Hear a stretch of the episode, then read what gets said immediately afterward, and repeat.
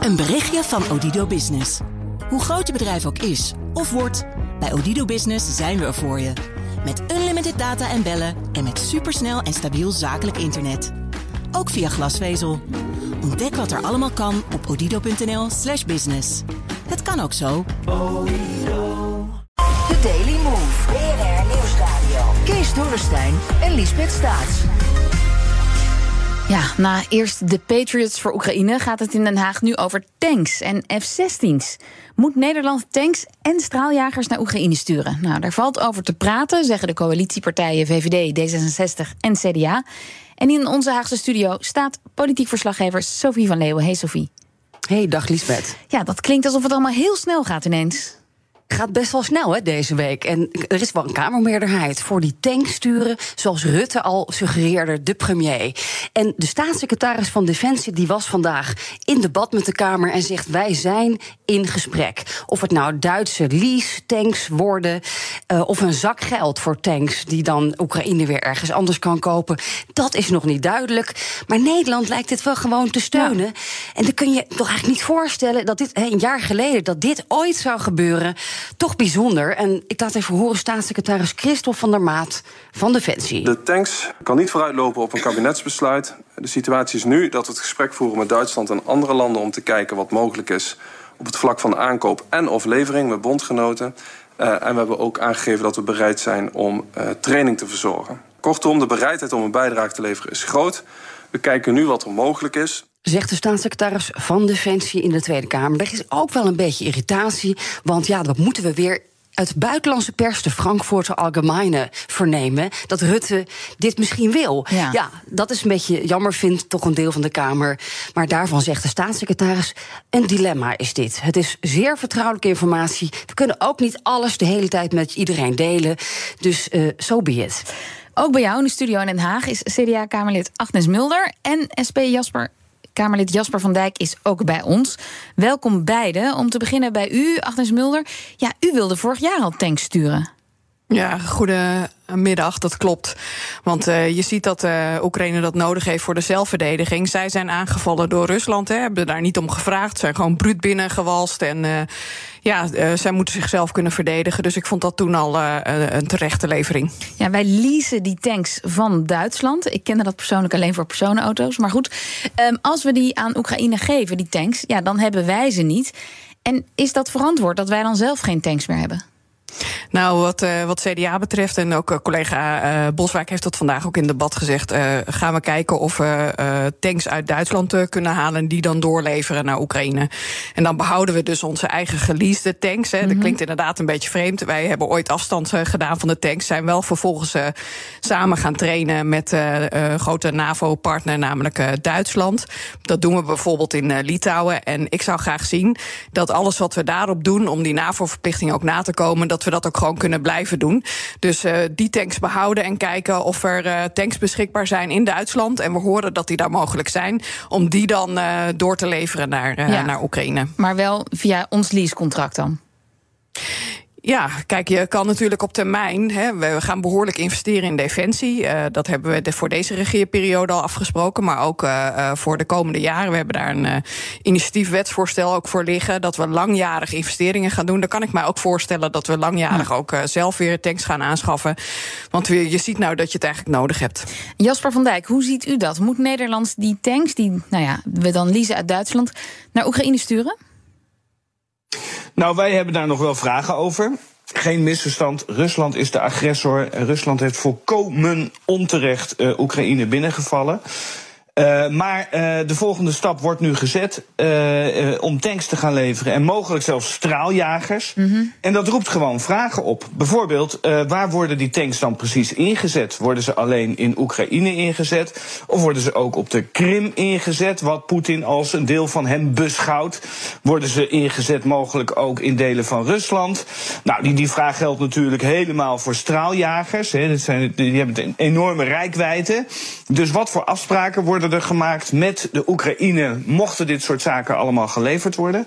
Ik heb daarom vandaag gevraagd uh, om een hoorzitting te organiseren met experts om de Kamer te informeren over de risico's van dit soort zware wapensystemen als je die gaat leveren aan Oekraïne. Ja, want, maar je zou ze dus wel willen leveren, Jasper, uh, uh, aan Oekraïne, omdat Russie, Rusland de agressor is.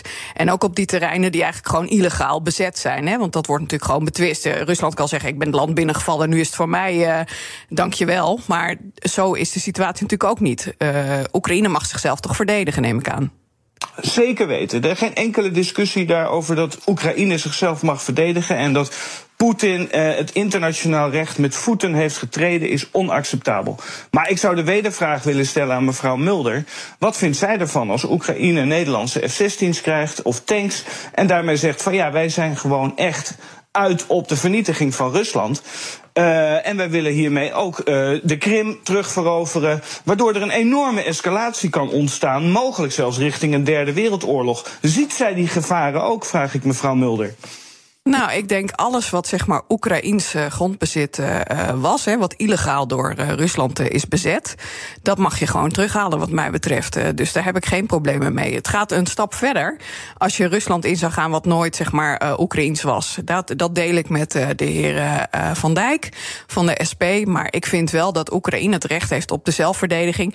En dat is al een tijdje aan de gang natuurlijk. Dus ik vind dat ze daar hm. compleet het recht toe hebben. Maar, ja, ik, maar levert u dan... mag je daar wel over maken. Ja, dus dan levert u die tanks, uh, of Nederland levert dan die tanks met een soort bijsluiter, uh, alleen ter verdediging. Het is ter verdediging van, uh, van Oekraïne en dat ze hun eigen land gewoon weer terug kunnen halen maar, met hun eigen mensen. Maar Rusland zegt toch, wij hebben daar referenda georganiseerd. Dat gebied is Russisch. Dat wordt betwist. Dus dat is internationaal zeker niet erkend. Dat is ook bij de VN is dat aangegeven. Ook bij de Interparlementaire Unie. Op vele uh, terreinen is dat heel duidelijk gemaakt. Dus uh, die claim is gewoon niet terecht die Rusland heeft. Nee, niet terecht, maar wel een risico op escalatie, toch? Voor de NAVO, artikel 5. Of niet? Nee, dat zie ik niet zo. Want ik, ik, ik, ik betwist dus uh, die aanspraak van, uh, van Rusland uh, daarop. Op die gebieden. zij zijn, ja. ja. ze zijn illegaal daar bezig geweest. Het heeft de hele wereld zo'n beetje ook veroordeeld. Dus laten we daar ook helder over zijn. En niet Rusland op die manier gewoon even een mooie grondgebied van Oekraïne nee. toeschuiven. Ik vind dat ik, echt ik heel gevaarlijk om dat eens, te doen. Ik, ik, ik ben dat wel eens met mevrouw Mulder, moet ik zeggen. Hè. Dus de inname van de Donbass-regio is volkomen illegaal. Dat is gewoon gebied van Oekraïne. En ik begrijp ook heel goed de wens van Oekraïne om dat gebied terug te veroveren.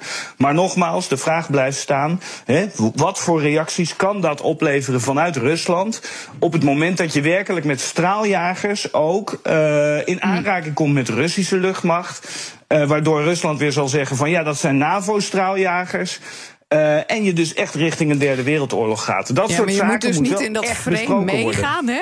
Ik vind het echt een heel apart frame. Rusland je poneert dat hier even en wij nemen dat zomaar over. Ik vind dat heel, heel bijzonder. Want uh, zij uh, zijn de agressor, hebben zomaar zijn ze het land binnengevallen. En het deugt gewoon niet wat daar gebeurt. En maar het is niet zo dat de NAVO daar zelf, zeg maar, mensen op heeft. Dat zijn Oekraïense mensen die hun eigen grondgebied verdedigen. En dat recht hebben ze. Is het niet überhaupt symboolpolitiek, dit allemaal wat we nu vertellen. Want uh, Zelensky, Oekraïne, die willen honderden tanks. Met die paar tanks die wij sturen, gaan ze die oorlog toch niet winnen? Ik heb nog niet gehoord hoeveel tanks wij uh, gaan leveren. Het gaat erom dat je uh, die gezamenlijkheid van die verschillende tanks, tanks van verschillende landen, dat dat uh, in die optelsom moet leiden tot een serieus aanbod. Waarmee ze inderdaad verder kunnen. Want anders dan hoef je eigenlijk geen enkele tank te leveren. Ja. Maar als ik daarop mag reageren, is het inderdaad natuurlijk wel een beetje gek. Nederland heeft geen tanks. Wij leasen 18 tanks van Duitsland. Uh, en en dan, om dan toch te praten over de mogelijkheid om die 18 tanks te kopen en dan vervolgens aan Oekraïne te leveren, is een beetje gek. Juist omdat Nederland gezegd heeft: wij willen die tanks leasen om de kennis en expertise in ons eigen huis te behouden. En ook om onze krijgsmacht een beetje op peil te houden. Ja, maar daarvan zei mevrouw dus Mulder eerder in dit gesprek: uh, wij, wij kunnen extra leasen. En Klopt. dan kunnen we die andere tanks gewoon blijven gebruiken. Um, maar mevrouw Mulder, ja, zit er een grens aan het materieel wat Nederland gaat leveren? Straaljagers staan, staat voor wat u betreft alles um, in de vitrine wat er aan Oekraïne geleverd ja, kan worden? ik heb dat vorig jaar ook al gezegd van uh, die agressie die Rusland tentoonspreidt ten opzichte van Oekraïne, die houdt dus niet op bij de grens. Dus de volgende die aan de beurt zijn, uh, zijn uh, de Baltische Staten waarschijnlijk. Er worden claims bij andere NAVO-lidstaten neergelegd. Dus dat moet gewoon nu gestopt worden. En dit kan daarbij helpen, dus laten we dat ook gewoon doen. Maar wij zijn net de F-16's aan het verkopen. Nederland verkoopt zijn F-16's op dit moment. Wel een beroerde timing. Of kunnen we dat nog terugdraaien? Ja, oorlog, uh, wanneer Poetin zo'n land binnenvalt... dat hebben we allemaal niet in onze planningen meegenomen. Maar het gebeurt wel. Dus laten uh, Oekraïne zich gewoon kunnen verdedigen. Ik vind dat fair. En dat helpt ons ook. Uh, want als ze verder gaan, hè, dat moet je die agressie eens voorstellen hier. Maar onze moeten waarden moeten, moeten we wel dan verdedigen. nu F-16's gaan leasen bijvoorbeeld? Meneer Van Dijk, weet u dat? Of wij F-16's moeten gaan leasen. Dat, dat, dat, dat, lijkt mij sterk. Wij hebben inderdaad F-16's en die worden nu vervangen door de F-35, ook wel bekend als de Joint Strike Fighter.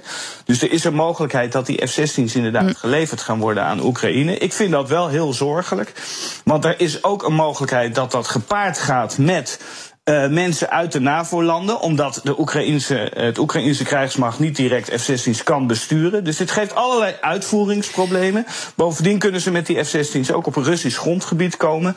En dat zijn volgens mij ook dingen die de NAVO ja. wil voorkomen, hè, die rechtstreekse confrontatie. En tot slot zou ik ook willen zeggen, ja, je moet ook kijken naar een einde van deze oorlog. Hoe lastig ook, er moet ook op dat pad van een wapenstilstand, een staakt het vuren, veel meer gedaan worden. Ja, we hoorden net uh, Zelensky en die uh, verwees een, vredesonderhandeling nog naar. Nou, die wees hij eigenlijk af. Hij zei: Poetin is een nobody. Daar wilde hij niet meer mee aan tafel. Op dit moment althans. Uh, laatste vraag, mevrouw Mulder. Hoe snel gaat dat? Ik hoorde gisteren dat de tanks die Biden heeft beloofd. Ja, dat kan maanden duren voordat die in Oekraïne zijn. Hoe snel gaat het met onze tanks? Nou, je moet er sowieso de mensen voor opleiden. Hè? Wat, uh, wat collega Van Dijk net ook zei. En dat is natuurlijk ook zo. En dat geldt ook voor, uh, voor de F-16 natuurlijk. En daar gaat tijd overheen. En uh, dat weten ze ook. want ze kunnen, als ze die zaken willen gebruiken... wij leveren daar geen mensen bij. laat dat helder zijn, want dan zijn we zelf midden in die oorlog. Ja. Daar is absoluut de grens. De NAVO vecht daar die oorlog niet zelf uit. Het levert alleen wapens ter verdediging van, ja. van Oekraïne. En dat is wat we doen. En we kunnen die mensen ook opleiden. Zien we ook met de panzerhouwitsers. Doen we al. Uh, in Duitsland worden mensen opgeleid. In uh, het Verenigd Koninkrijk worden mensen opgeleid. Dus dat kan ook, en ook voor hier deze kan tanks. onze tankdivisie ja. kan uh, prima deze mensen ook erbij bij opleiden. Dat heeft Van der Maat ook vanmorgen volgens mij in het debat gezegd. Nou, is ook iets wat, wat wij als een mogelijkheid zien. Dus het gaat erom dat je in totaal Oekraïne zo sterk laat zijn dat ze die oorlog ook kunnen winnen en hun eigen grondgebied terug kunnen krijgen. Dank jullie wel, CDA-Kamerlid Agnes Mulder, SP-Kamerlid Jasper van Dijk en onze politiek verslaggever Sophie van Leeuwen. Een berichtje van Odido Business. Hoe groot je bedrijf ook is of wordt, bij Odido Business zijn we er voor je. Met unlimited data en bellen en met supersnel en stabiel zakelijk internet. Ook via glasvezel. Ontdek wat er allemaal kan op odido.nl/slash business. Het kan ook zo.